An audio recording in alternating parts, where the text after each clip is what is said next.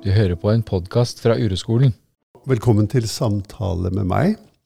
Jeg heter Kaspar Seip. Eh, jeg er så heldig at jeg kan finne interessante mennesker å snakke med. Eh, folk som har gjort interessante erfaringer som det kan være nyttig for mange å høre om. Eh, og derfor lager jeg denne podkasten. Jeg får med meg gjester inn hit som, sitter, som, kommer hit og sitter i stolen sammen med meg og snakker om livet sitt og hva som har skjedd. Og i dag har jeg besøk av en ung kvinne som heter Irja Li Haug. Og hun er fra Troms. Og bare det får meg til å tenke på at til sommeren Det får meg til å glede meg, for at til sommeren så skal vi ha en ny vandring i Troms, sånn som vi hadde sist sommer. Så du som hører på dette, kanskje er interessert i det også. Ehm, det er i hvert fall å få vandre i fjellskogen og i fjellet i Målselv. Det, er, det bør man unne seg i livet. Og hvis man kan gjøre det samtidig som man får en si, personlig og nær innføring i uropsykologien, så er det i hvert fall noe av det beste jeg kan gjøre i livet mitt. Og Irja hun var med på turen vår i august-september siste år. Og det var aldeles strålende vær. Og det var altså så fint. Og der vi gikk, der hadde det gått ganske nylig bjørn og gaupe og jerv og elg. Og kanskje reinsdyr òg. Ja. Kanin eller eh, hare. Hare, ja. Kaniner tror jeg ikke det er oppi der. Nei. Nei, det var veldig, veldig fint. Og rype. Mm. Og rype rype og skogsfugl. Mm. Og ørn. Mm. Ja. Men i dag sitter vi her i dette, dette kontoret i Oscarsgata i Oslo. Velkommen hit, eh, Så hyggelig at du er med meg. Jeg har gledet meg til det. Tusen takk. Og det var jo en veldig fin sånn introduksjon du hadde nå, syns jeg. Mm. For da kan jeg tenke på og kjenne på hvordan det var å være med ja. på den turen ja. der. Og som var jo mitt første møte med eh, uroskolen og ja. eh, den måten å, å, leve på, da. Ja. Mm. Den måten å leve på, det var fint. Mm. Ja, det var det. Det var da jeg møtte deg første gang også. Mm. mm. Ofte så sier man jo 'den måten å tenke på'. Ja. Men mer og mer så kjennes det inni meg som at det er mer den måten å leve på. Ja. Mm. Ja. Det er, ja, det er et godt poeng.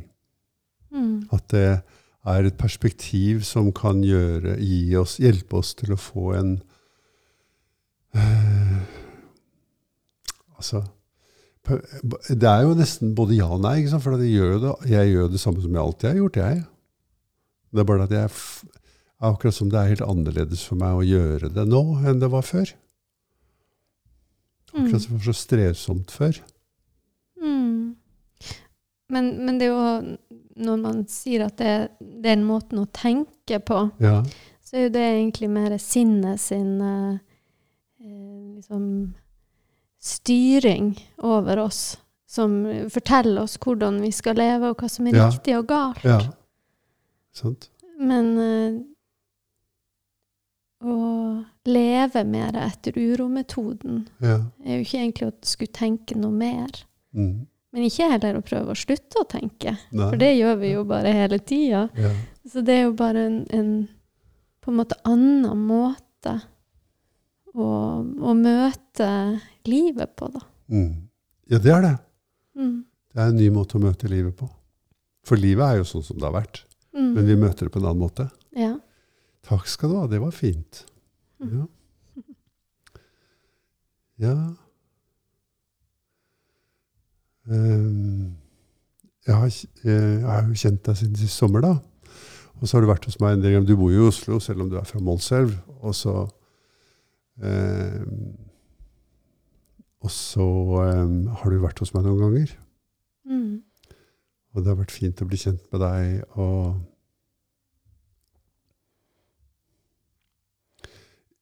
ja, jeg syns jeg har lært mye av deg. Og, og jeg, det jeg har lært veldig mye om, syns jeg, er det med at vi alle har en historie. Og at den Mm. historien er um, Kan være en byrde. Mm.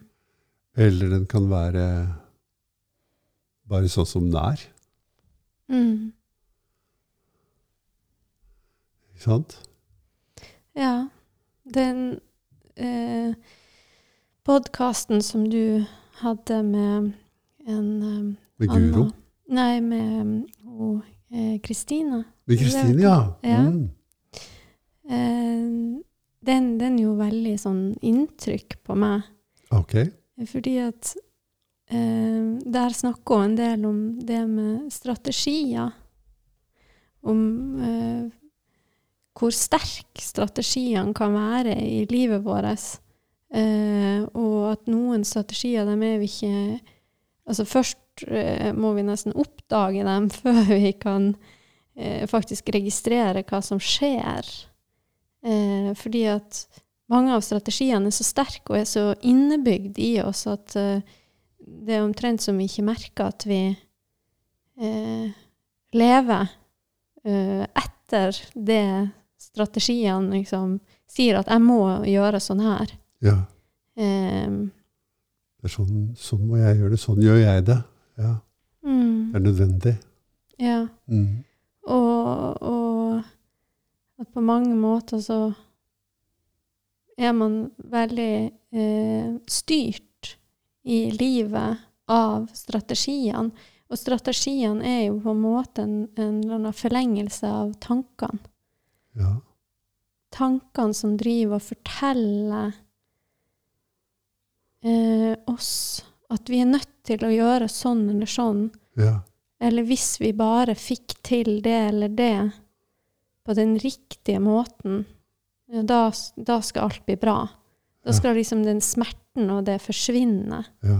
Og så går vi så inn i de strategiene at vi Eller jeg opplever i hvert fall ofte at jeg gjør det så sterkt at jeg, da kjenner jeg jo ikke noe særlig til den smerten. Nei. Så sånn sett så funker jo strategien veldig, veldig bra. Helt enig. Det er jo eh, et veldig stort poeng, eh, akkurat det, at strategien er strategien For det de funker, og det de funker mot, er smerte. Mm. Det er ikke det at ikke det, strategien fører med seg smerte, men det funker mot den smerten vi aller helst vil unngå å føle. Mm. Sånn? Mm. Eller aller minst vil føle. Mm. Så hva, hva slags eh, strategier har du erfaring med, da? Jeg har jo erfaring med spiseforstyrrelsesstrategien, Ja, hvis man kan kalle det en strategi. jeg jeg kaller det det. Ja. Ja, altså, men eh, det er jo veldig viktig da, når du sier det, hvis man kan kalle det strategi. Vi kan jo kalle det hva vi vil. Vi kan kalle det ostehøvel Mm. eller eh, gummistøvel. Mm. Men eh, vi kaller det strategi, og grunnen til det er at det er nyttig. Det er Mm. ikke, grunnen til det er ikke at det er riktig. Vi vet jo ikke hva spiseforstyrrelser er, egentlig. Det er jo også et merkelig ord. Mm. Men vi kaller det, vi kaller det en strategi fordi det åpner opp en mulighet som ellers ikke er til stede. Mm. Ja. ja, for det blir en litt annen måte å, å se på den strategien. Ja. Så hva er det spiseforstyrrelser Du sier spiseforstyrrelser. Det virker mot å ha det vondt. Ja, og Hva mener du? Hva, hva, spiseforstyrrelse, hva er det for deg, da? Hva, hva, hvordan arter det seg, liksom? Ja, den er jo egentlig en meget god strategi i form av at uh, når ting gjør vondt, så kan det kjennes som at det gjør litt mindre vondt eh, hvis jeg følger med tanken min om at hvis jeg bare spiser akkurat sånn eller sånn, eller hvis jeg ikke spiser det eller det, eller eh, spiser mindre generelt, eller trener mer, eller da, da tror jeg på den tanken om at det skal gjøre til at jeg får det bedre. Og jo mer jeg er med inn i den strategien, ubevisst og bevisst, det er jo begge deler som skjer der, Ja.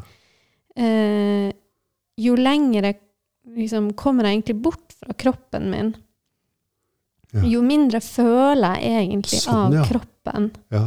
Jeg kommer bort fra kroppen det er at jeg føler den mindre. Jeg erfarer kroppens signaler mindre. Ja. Ja. Fordi alt blir jo på en måte litt bedøva.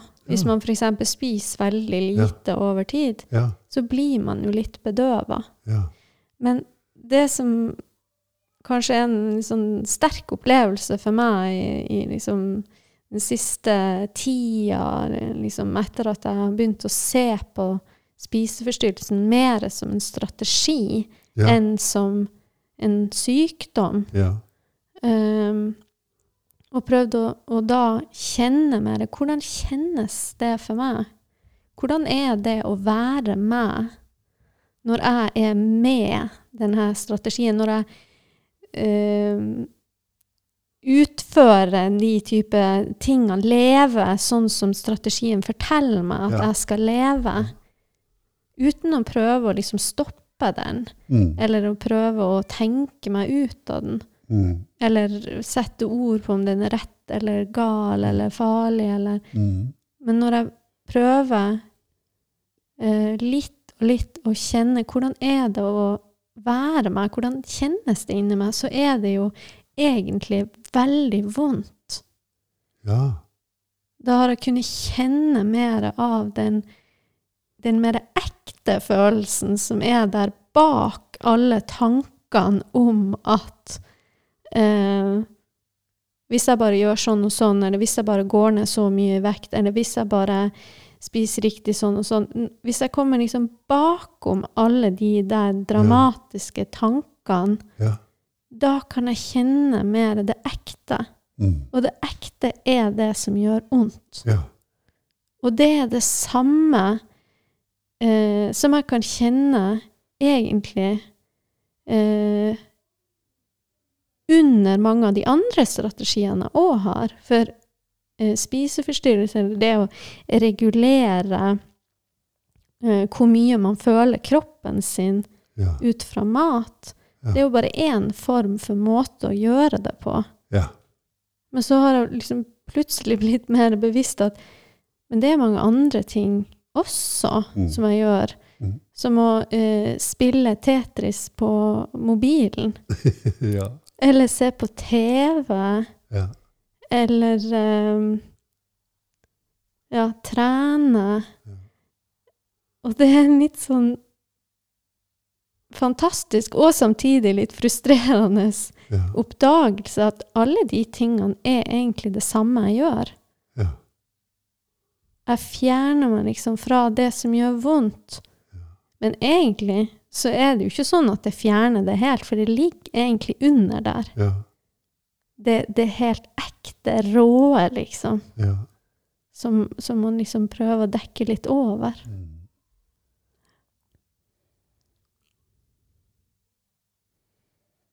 Sånn er det.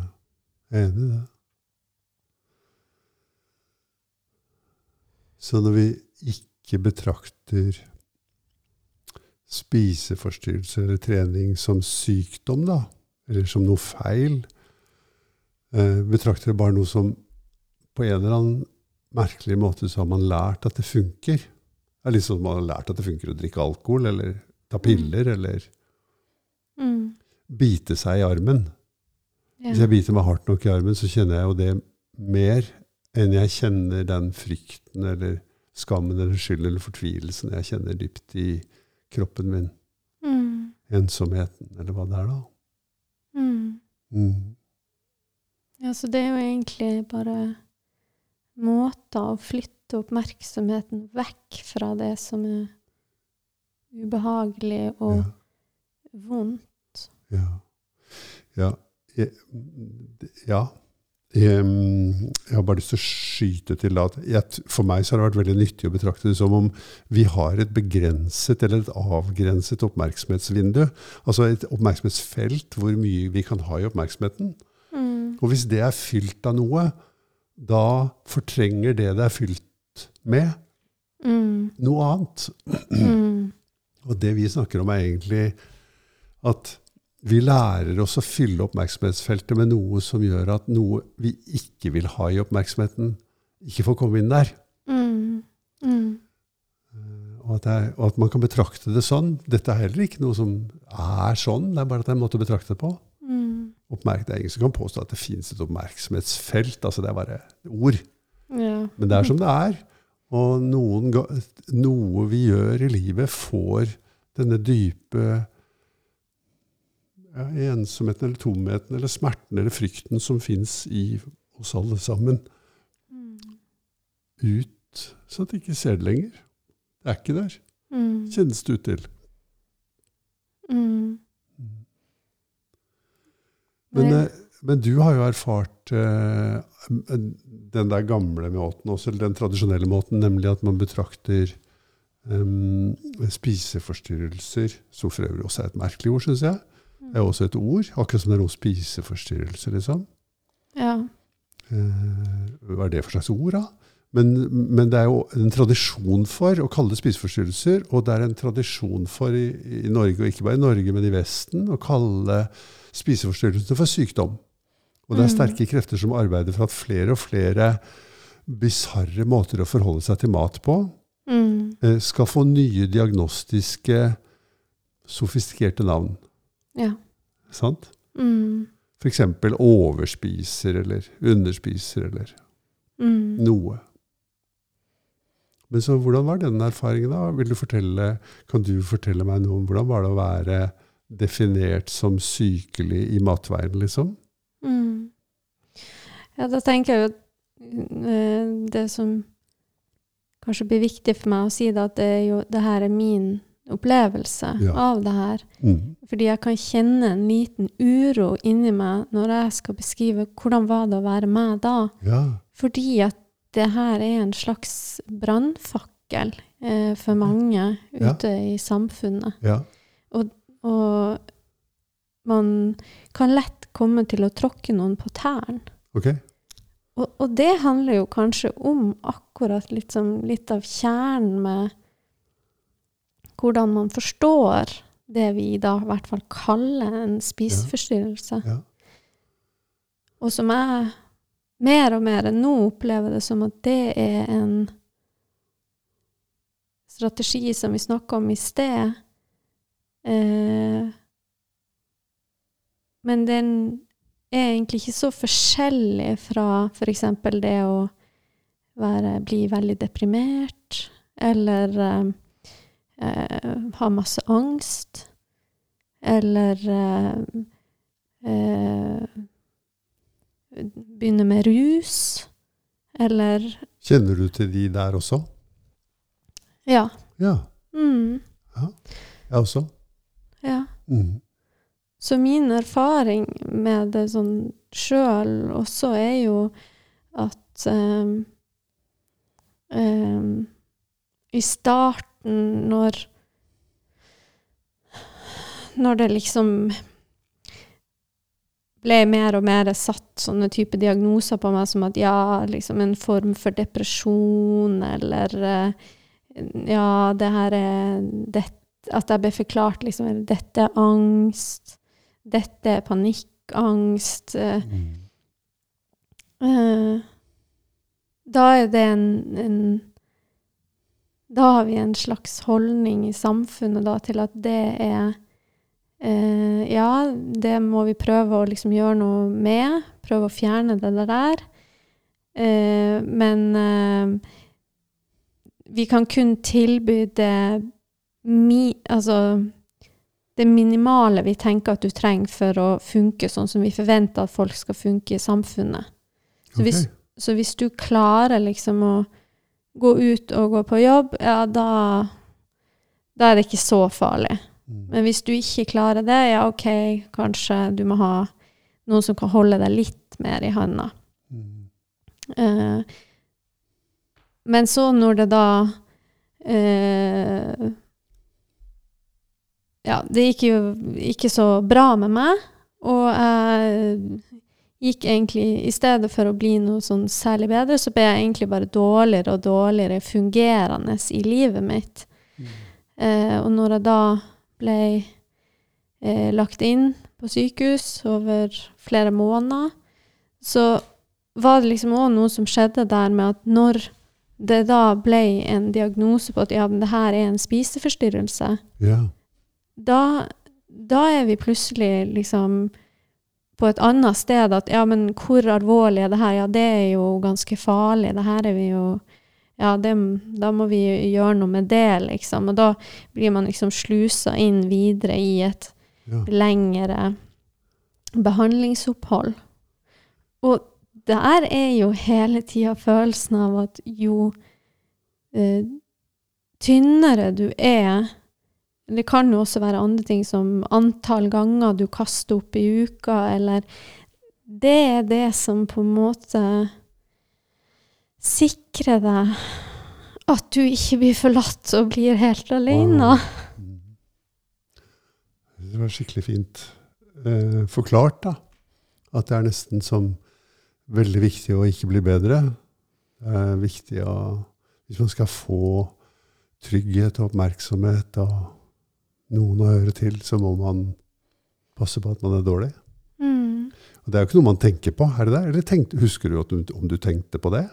Nei. Og jeg skjønte det ikke sjøl heller Nei. før nå i etterkant. Ja. Jeg tror ikke jeg heller har klart å skjønne det før jeg er blitt mer trygg på at jeg kan vise hvem jeg er, og det kan variere om man har det bra eller dårlig, sånn som det gjør for alle mennesker. ja. Men det er ikke liksom kriterien for om man har noen der som, som er villig til eller vil støtte deg. Mm. Eh, det, er ikke, det er ikke et kriterium at du skal bevise at du er så syk at du må ha det her. Du kan også vise styrkene dine, ja. og det kan svinge. Men sånn som, er, sånn som du beskrev nå, så er det jo sånn at vi, det er viktig å være et problem, da. Ikke sant? Det er, det, er får, det er noe som forsterker en eller annen bevisst eller ubevisst problematferd. Mm.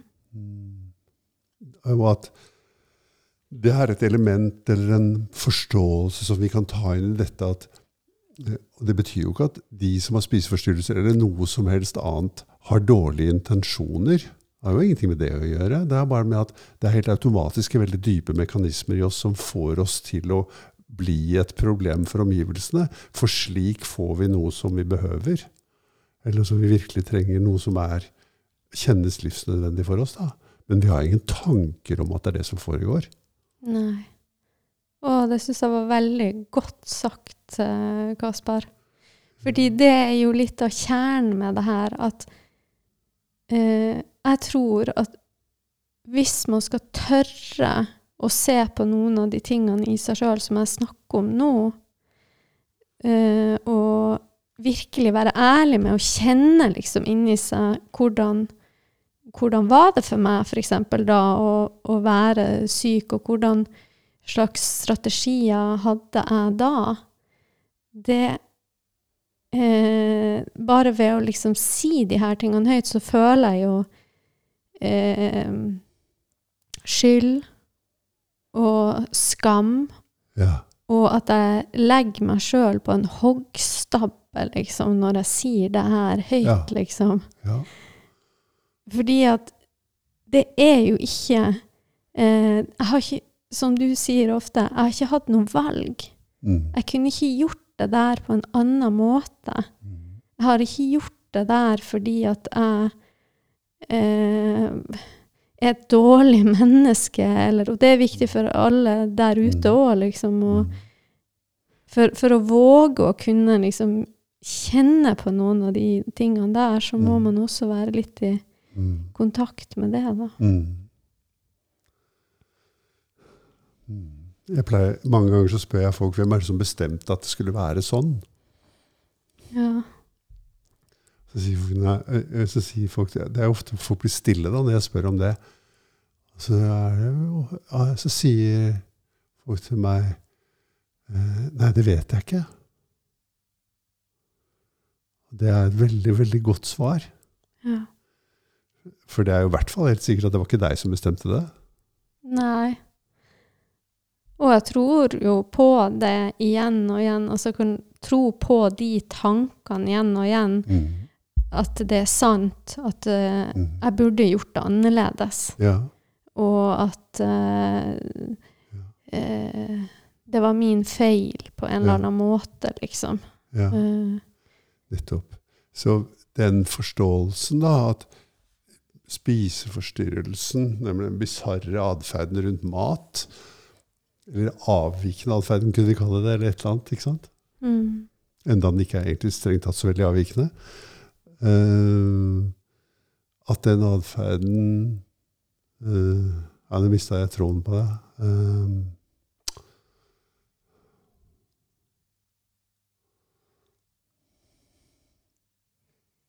hva var det vi s- hvor- I, I sted så snakka du litt om det der med at eh, man for, liksom forsterker det der at man er et problem. Ja, Man opprettholder det at Ja. man er et problem. ja, ja. At det, eh, og, eller skal vi se du, du sa eh, den, Ja, denne atferden, denne bisarre atferden eh, i forhold til mat, blir en bekreftelse på at det er noe feil med meg. Mm. Som er en bekreftelse som hele sykdomsbegrepet holder fast. Mm. Så den sykdomsforklaringen, det at vi er syke når vi oppfører oss sånn, det holder fast at det er noe feil med oss. Og så er det noe noen som hevder at man kan bli frisk av sykdom. Mm. Eh, sånn at man aldri får disse tingene igjen. Og så stemmer det så dårlig med min erfaring. Eh, både min egen personlige erfaring og, person og erfaring jeg har med veldig mange mennesker, at disse, det vi snakker om nå, det blir jo aldri Eller kanskje det blir borte etter veldig, veldig lang tid, men her er det ting som eh, eh, Altså, det er mye mer mønstre som er der, og som man langsomt får oversikt over, og som man langsomt kan bestemme om man vil gå inn i, Mm. men mange ganger ikke, fortsatt ikke kan det. Mm. Ikke sant? At det, eh, det skjedde igjen. Og det jeg har erfaring med når det gjelder spiseforstyrrelser, er at folk klarer å si det skjedde igjen uten å få et skamangrep for det. Mm. At det er et veldig godt tegn. Mm. At no, det som, jeg, som før skjedde, og som ble betraktet som sykt, og som nesten var min skyld eh, fordi det var noe galt med meg, Mm. eh, nå Det hender at det skjer. Og jeg kan se på det med vennlighet og tålmodighet. Mm. Og det stemmer med min erfaring når det gjelder veldig veldig mange andre ting i livet. At det er sånn at eh, det er mange mønstre som gjentar seg Mm. uten at jeg kan kontrollere det.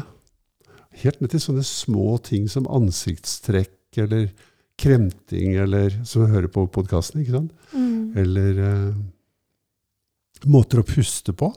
Mm. sant? Ja. Ja. Eller bestemte ord som jeg gjentar. Mm. Som er sånne ord som er mønstre i, min, i mitt nervesystem. Da. Mm. Så er den atferden som vi kaller spiseforstyrrende, den er også en form for mønster som gjentar seg. Og som man Mm. kanskje langsomt, På samme måte som jeg kanskje kan slutte å si noe som jeg har sagt veldig mange ganger, og som går helt automatisk, gjennom å arbeide med det over tid. da. Mm. Og det, at jeg kan gjenkjenne sinnet mitts tendens til å gjenta det ordet om igjen og om igjen. om igjen. Mm. Eller den bestemte handlingen. Så kan man det også med denne typen atferd. da. Og at det er menneskelig. Det er ikke sykt, det er menneskelig. Mm. Alle mennesker har sånne ting. Mm. Det er bare at noen av dem blir ikke betraktet som syke. Mens Nei. noen blir betraktet som syke. Mm. Men, eh, men eh, da, du, eh, da du var syk, da, Mm. da du ble kalt syk og trodde selv du var syk, hva Mm. skjedde da? da? Hvordan, kan du fortelle noe om det? Altså, jeg, jeg følte meg jo også veldig syk, Ja. og, og det er veldig vanskelig for meg fortsatt å ikke bli med den tanken om at ja, jeg var det. Ja, Det kommer stadig igjen og Ja. igjen at det var feil, det skulle ikke være sånn. Det er veldig fint at du sier det, da. Det du sa nå. For nå sa du 'jeg følte meg syk'. Det er helt umulig. Mm. Ser du det? Du kan ikke føle deg syk. Du kan føle det, du kan føle tre ting. Du kan føle behag, ubehag, og kanskje du, vi kan strekke det til den tredje tingen er nøytral. Mm. Men du kan ikke føle deg syk. Det at du føler ubehag, får et navn oppi pæra, og det navnet er syk. Ja. Ikke sant? Ja. Ja. Så jeg følte veldig mye ubehag. Og så sa både hodet mitt og alle rundt meg og behandlingsapparatet sånn, sa jeg fordi du er syk. Ja. Ja. Så trodde du på det, da. Og så sa du, du, for du sa det, ikke sant? Når jeg trodde på den tanken, Mm. sa du. Men nå kjente jeg jo, når vi snakker om det nå, så kjente jeg jo, og det tror jeg jo fortsatt på, for jeg sa det jo akkurat sånn nå òg. Ja. Ikke sant? Ja. Jeg følte meg syk. Ja. ja. Men altså, det er jo på en måte en, en språklig detalj, men for meg så er det også en viktig ting. Fordi Mm. at vi sauser dette sammen. Det blir så sausa sammen inni sinnet vårt Mm. til en slags sånn ugjennomtrengelig labyrint Mm. som vi går i, da. Ja. Jeg er syk. Og så gjentar vi en tanke for oss selv, sånn at den tanken blir veldig veldig nedfelt i nervesystemet vårt. Ikke sant? Den Mm. får et tydelig spor oppi hjernen, Ja. eller i, i nervebanene. da. For en god representasjon i hjernen, kan man kalle det. Mm. Mm. Og så er det jo bare en idé vi har. Ja. Det er en tanke vi har om noe. Og nå sitter vi og påstår at ja, nei, det er ikke sykt, det er helt vanlig. Mhm. Helt vanlig. Alle mennesker har sånne ting, Mm. sier vi. Fordi vi er mennesker. Mm. Mens trær eller fugler eller høner har ikke sånne ting. De har andre ting, men de har ikke det. Men jeg kan tenke meg at mange lurer på, som, som jeg også kan lure på da når vi, vi snakker om det her, at um, hva, hva skal man kalle det da, når, når det skjer sånne perioder i livet der man Mm. eh, der man da ikke fungerer sånn som i hvert fall et samfunn forventer at man skal Mm. fungere. Mm. Ja, så eh, det er ikke så lett å bryte opp dette her, da. Men hvorfor skal vi kalle det noe da? For kan vi ikke heller se For det er to ting vi kan gjøre. ikke sant? Det ene er at vi kan kalle det noe, og det vil sinnet vårt gjøre. Og det andre vi kan gjøre, er å si hvordan er det da? Mm. Hvordan har du det, Irja? Mm. Vil jeg spørre deg om, ikke sant? Hvordan, og det ville jeg gjort den gangen også, hvis du hadde spiseforstyrrelser og kom til meg. Så, og det har jeg jo opplevd mange mange ganger, at folk med spiseforstyrrelser har kommet til meg. da. Mm. Og så har jeg prøvd å spørre folk hvordan har du det egentlig? Uh, Når du, når du forteller meg at du har spiseforstyrrelser med tårer i øynene, kan du stoppe der? Mm. Hvordan er det å være der nå, sier jeg. Er det behagelig eller ubehagelig? Nei, det er ubehagelig, det er vondt, sier den personen da. Og så får jeg den personen til å fortelle meg hvor det er vondt. Mm. Og det er jo i magen eller mellomgulvet eller brystet, da. Mm. Og så er vi sammen med den vondten. Og da gjør vi noe annet enn å sette et navn på den vondten. Den vo- vondten har jo ikke noe navn. Nei. Mm. Men vi lever i et samfunn som tror at det å sette navn på ting er ensbetydende å vite noe om ting. Mm. Men det er det jo ikke. Faktum er, faktum er at det er motsatt. For det navnet det sperrer for alternative forståelser. Absolutt. Jeg mener at navnet spiseforstyrrelse er et veldig uheldig navn. Mm. Og sykdom i denne sammenhengen, sykdom når det gjelder det å ha vondt sjelelig smerte, altså smerte som omfatter tenkning og følelser, Mm. kroppen, eh, så er det veldig skadelig å kalle det for det. For at det klistrer Det er det som kalles stigma, det stigmatiserer, da. Ja. Vi har masse interesseorganisasjoner som jobber for å godta diagnoser, og som kjemper for rettighetene til folk som har det sånn, istedenfor å gå fra de ideene til virkeligheten og si kan vi være sammen om det som gjør så vondt? Mm. Kan, kan jeg være sammen med deg når du har det vondt? Kan du være sammen med meg når jeg har det vondt? Istedenfor å sette et navn på det. Mm. Det er ikke noe feil å ha det vondt, Irian. Irja. For det at alle mennesker i hele verden har det vondt rett som det er. Mm. Omtrent halve jordens befolkning har det vondt akkurat nå. Mm. Og kanskje den andre, omtrent den andre halvparten har det godt. da. Ja. Det er også en måte å se det på. men, eh, men å ha det vondt, ja. være redd, urolig, usikker, hjelpeløs, er dypt menneskelig Mm. og langt mer utbredt enn noen har lyst til å innse. Mm. Det er så å si helt hverdagslig. Mm. Og det gis veldig, veldig liten hjelp i å forholde seg til det på en annen måte enn å prøve å bli kvitt det. Mm. Å prøve å bli kvitt det er det verste man gjør. Det er respektløst og ødeleggende Mm. for mennesker. Mm. Og jeg kan jo kjenne at sant, når du snakker om det her nå, så, så kan jeg kjenne at jeg blir, jeg blir veldig sånn bevega bare jeg hører at du spør liksom sånn Å, Irja, hvordan har du det? Ja. For da kan jeg tenke hvor mange ganger det heller har vært eh, Hvordan går det nå? Eh, nå skal vi veie deg, eller eh, Hvordan får du til det eller det? Mhm. Klarer du å gå på skolen nå? Klarer du å ditten og datten, liksom? Mm. Men jeg kan ikke huske så mange ganger at det har vært bare en sånn åpen dør til å kunne si Hvordan har du det? Mhm. Hvordan kjennes det inni deg? Mm. Eh, og så kan jeg også forstå veldig, liksom, som jeg jo kan kjenne en liten grad av meg selv, inni meg sjøl fortsatt, også den motstanden mot å liksom tenke at det er ikke noe galt med f.eks. da å bruke den strategien med å eh, Ikke regulere eller, ja. ja. Eller, eller spise mye, eller kaste opp, eller altså, det er noe Samme hva det er, egentlig. Mm. Eh, fordi at det har eh, Det har vært så ensbetydende eh, i lang tid at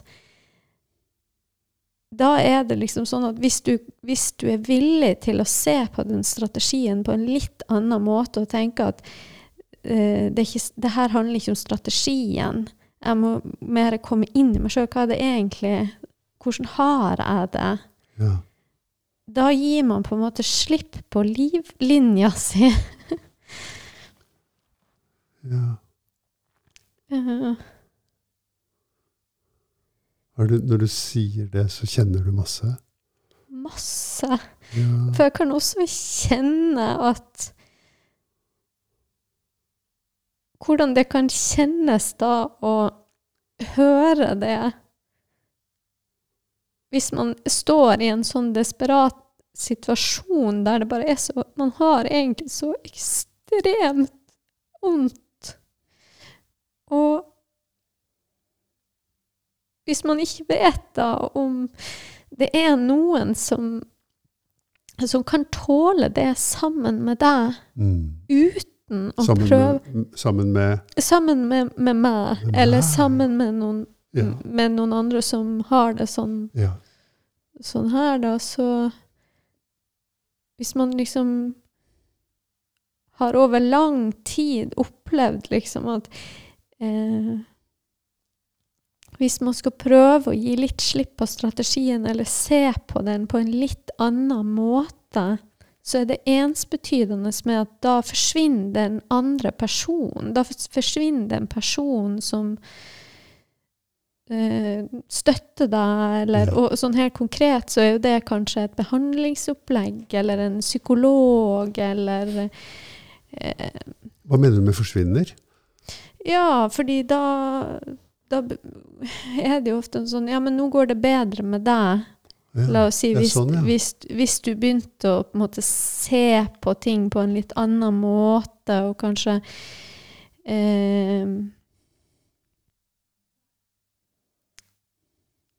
Ikke liksom være like mye med i Ja, hvor mye skal du spise nå, eller, eller hvor Hvor mye veier du nå? ja, og, eller klarer du Nå skal du kaste opp eh, eh, Prøv å kaste opp én gang mindre i uka, eller Mm. du skal trene så og så mye mindre. Hvis du ikke vil, vil være med i det, Mm. da, da er det enten så er du liksom La oss si du hadde gått litt opp i vekt, da, eller et eller annet. Da er det sånn Ja, men da er det Nå er du bra, så da skal du Da må du ut, for nå må den som, er, Mm. som kaster opp fem ganger i uka, heller få den plassen. Mm. Eh, eller så kan det være at nei, men hvis ikke du vil gå med på akkurat de her kriteriene, Mm. da, da, du, da kan ikke du få den her hjelpa. Så du er på en måte veldig fanga i den der måten å se det på. Ja. Det er ikke helt rom for å kunne liksom helt eh, Gjøre det på en annen måte. For man kanskje også er livredd, fordi at da, da vil apparatet rundt deg kanskje bare si Nei, nå må du ut. Det jeg spurte deg om forsvinner den personen, hadde du ikke sånn, så spurte jeg hva mener du. Så jeg tenkte nemlig noe annet eh, som, som dukket opp i meg da.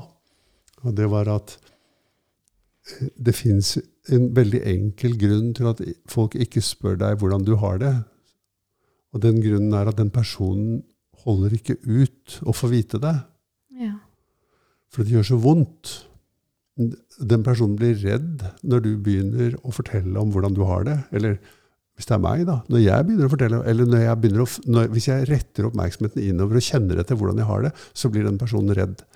Og veldig mye av hjelpeapparatet ser det sin opp, som sin oppgave å passe på at jeg ikke får det sånn som jeg får det når jeg retter oppmerksomheten innover og begynner å kjenne hvordan jeg egentlig har det. Ja. For da sier man ta denne pillen her, ta denne teknikken her, ta noe for å slippe å føle det.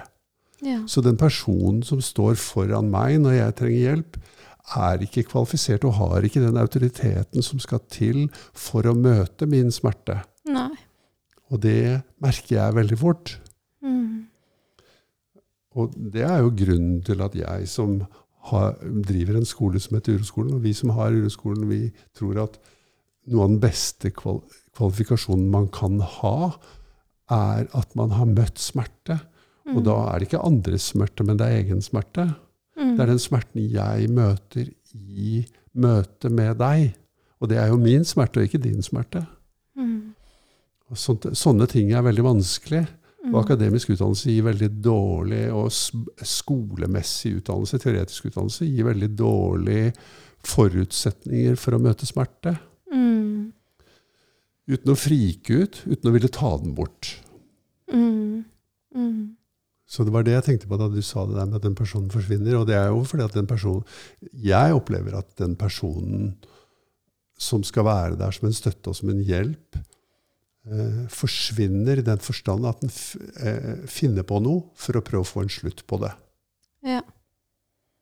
Og at det er helt menneskelig og helt vanlig, men at det er en helt vesentlig del av det å kunne hjelpe folk, eller lære folk hvordan de skal forholde seg til smerte, er at den som skal lære bort det, må jo kunne forholde seg til smerte selv. Mm. Og at en, en person som har en såkalt spiseforstyrrelse, trenger å lære noen ting om det. Og Mm. kan ikke lære det av andre enn de som kan forholde seg til smerte. Mm. Ja, det, det gir veldig mening for meg. Eh, fordi det er jo ofte det jeg også kan gjenkjenne, da, at uh, i de i, I de mange årene òg, liksom, så, så har jeg sittet overfor mennesker som egentlig ikke har eh, kunnet helt ta inn min smerte, eller bare være med meg i Mm. smerten.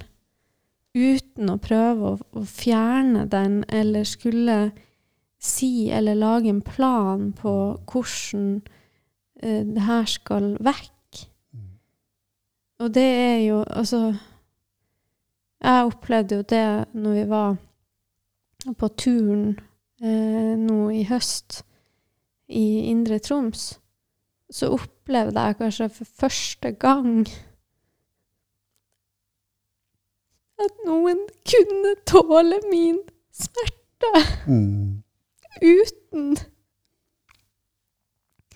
å skulle ta det vekk. Mm. Uten at jeg skulle forklare noe, eller at det skulle være en spesiell måte å forholde seg til det her på. Eller at det var om det var galt eller riktig. Det var liksom ikke noe galt eller riktig. Det var bare en enorm smerte som egentlig har vært der sikkert helt siden jeg var liten. Som jeg for første gang kunne liksom våge å kjenne, da. Mm. Og dele med noen, da. Ja. Mm. Men det er jo ikke bare du som har det sånn, at du tror at dine følelser er for mye. Mm. For det gjør, vi, jo- det gjør jo jeg også. ja. Så, og grunnen til dem er og, og jeg har ikke fått hjelp til å gå inn i det og undersøke det selv.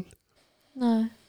Og de som har vært rundt meg, har heller ikke, heller ikke fått hjelp til det. Dette er jo menneskelig, at man forsøker å få bort smerte. Det er jo dypt menneskelig. Det er nesten sånn at det du og jeg snakker om nå, det er naturstridig. Det går Mm. mot smerte. Mm. Man må virkelig bruke viljen sin, ikke sant? Mm. Fordi eh, alt i meg vil jo bort fra smerte. Mm. Jeg tror det er derfor det er smerte. Fordi at vi skal Ja. se at eh, sinnet vårt oppfører seg dysfunksjonelt. For det, det, gjør, det, det motarbeider det som virker helbredende. Mm. Det prøver å ta bort smerte. Men det som virker helbredende, er å være sammen med smerte. Mm. Og det er en læringssak og en treningssak. Og ikke, en, eh, ikke noe som er forbeholdt supermennesker eller noe sånt. Nei. Det er egentlig en veldig hverdagslig sak. Mm. Hver dag møter vi smerte. Det er nok Mm. å se i avisen eller på Dagsrevyen eller Mm. møte blikket til et menneske som Mm. har det vondt. Ja. Ja. Og vi er jo eh, Vi er jo litt opplært til da òg at eh, vi, vi skal på en måte Vi skal uh, sperre litt av. Vi skal ikke liksom Det går ikke an å gå bortover gata og uh, synes synd i alle som uh, er dårligere stilt, eller Altså, vi er på en måte litt opplært til at vi skal ikke være for sensitive. Ja. Men så er vi jo egentlig det, alle sammen. Men kanskje ikke Eller altså jeg tror, jeg tror jo både du har rett, og at det er en evolusjonær ting at vi forsøker å eh, dempe vår egen sårbarhet. Ja. At det er både en lærings- og en miljøting og en evolusjonær eller genetisk ting. Egenskap, kvalitet, eh, ferdighet. Mm. At vi forsøker å skjule og, for oss selv og andre den sårbarheten vi har. Mm. Mm. Eh, og at det har en rekke negative konsekvenser som vi vanligvis ikke ser på. Da. Mm. Ja. Og det er jo, Så- altså ut fra det temaet som vi snakka om i sted, så, så er jo det Altså, man, man må ikke, men jeg eh, har i hvert fall opplevd i meg sjøl at for å tørre å kunne liksom se på på mine strategier og hvordan det er å være meg i mitt liv, så har det også krevd at jeg har også måttet eh, La mer av de sårbarheten eh, komme frem hos meg sjøl. Altså at eh, det har på en måte krevd av meg òg at eh, når jeg prøver å sette meg ned og kjenne på hvordan er det å være meg nå, og, og hvordan er den uroen inni meg, hvordan kjennes den inni kroppen min, eh, så har jeg på en måte også måttet vært litt mer sårbar, hvis man kan kalle det det. fordi at da har jeg ikke kunnet brukt alle de strategiene som prøver å liksom dekke over alt det der her som, som man egentlig ofte ute i samfunnet må dekke over Mm. for å, Mm. å, å funke, da. Mm. Og det er en veldig sånn sårbar prosess. Mm. Kanskje det å leve i et samfunn betyr å dekke over sårbarheten. At det er en del av samfunnet. Det er jo derfor vi lager samfunn, også for å føle oss trygge. Mm. Eh, I motsetning til hvis vi lever alene, så er vi veldig sårbare. ikke sant? Mm. Tenker oss i den store, ville naturen, eller Mm. for den saks skyld alene i en stor by hvor man er på yttersiden av samfunnet. Mm. Det å være innenfor betyr veldig mye Mm. for et menneske, da. Og kanskje prisen for å være innenfor er å stenge av sårbarhet. tåle ting, ikke ha grenser, ikke ha behov. Mm. Innrette seg, gjøre seg selv passelig. Ja. Mm. Så spiseforstyrrelser på sett og vis kunne vi kalle det er en måte å gjøre seg selv passelig på. ja, for man er jo Man begrenser seg sjøl Ja. eh, veldig, i hvert fall når man er ofte i nærheten av andre, da. Mm. Det gir jo en eh, tanke som man i hvert fall kan tro på eh, i de situasjonene om at nå tar jeg mindre plass. At man tar mindre plass. Ja. Ja. Enn hvis Eh, man har så veldig mange sterke følelser som hele tiden truer med å sprenge seg ut. Ja. Er det det du mente? Ja. Mm. Mm. Mm. Ah. Du, nå nærmer vi oss slutten på tiden. Ja. Eh, Jeg vil jo veldig gjerne fortsette denne samtalen, Mm. så jeg vil invitere deg tilbake. Tusen takk for at du kom til, denne, til dette møtet, Mm. at du ville dele av erfaringen din. Jeg håper noen har nytte av å høre på det. Ja. Eh, og eh, hvis du vil lære mer om hvordan du kan bruke uroperspektivet, eller en uropsykologisk tilnærming på alt det som vi kaller spiseforstyrrelser, så kan du ta kontakt med Uroskolen. Og da kan du jo få snakke med en urolærer, eller være med på tur, eller høre på podkaster, eller lese blogger. Så kanskje du en dag sitter og lager podkast om hva du har erfart. Takk for i dag, Irja. Tusen takk. Vi ses igjen. Vi ses.